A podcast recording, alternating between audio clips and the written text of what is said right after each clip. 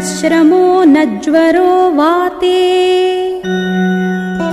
न रूपस्य विपर्ययः न च सुप्तम् प्रमत्तं वा। धर्षयिष्यन्ति नैरृता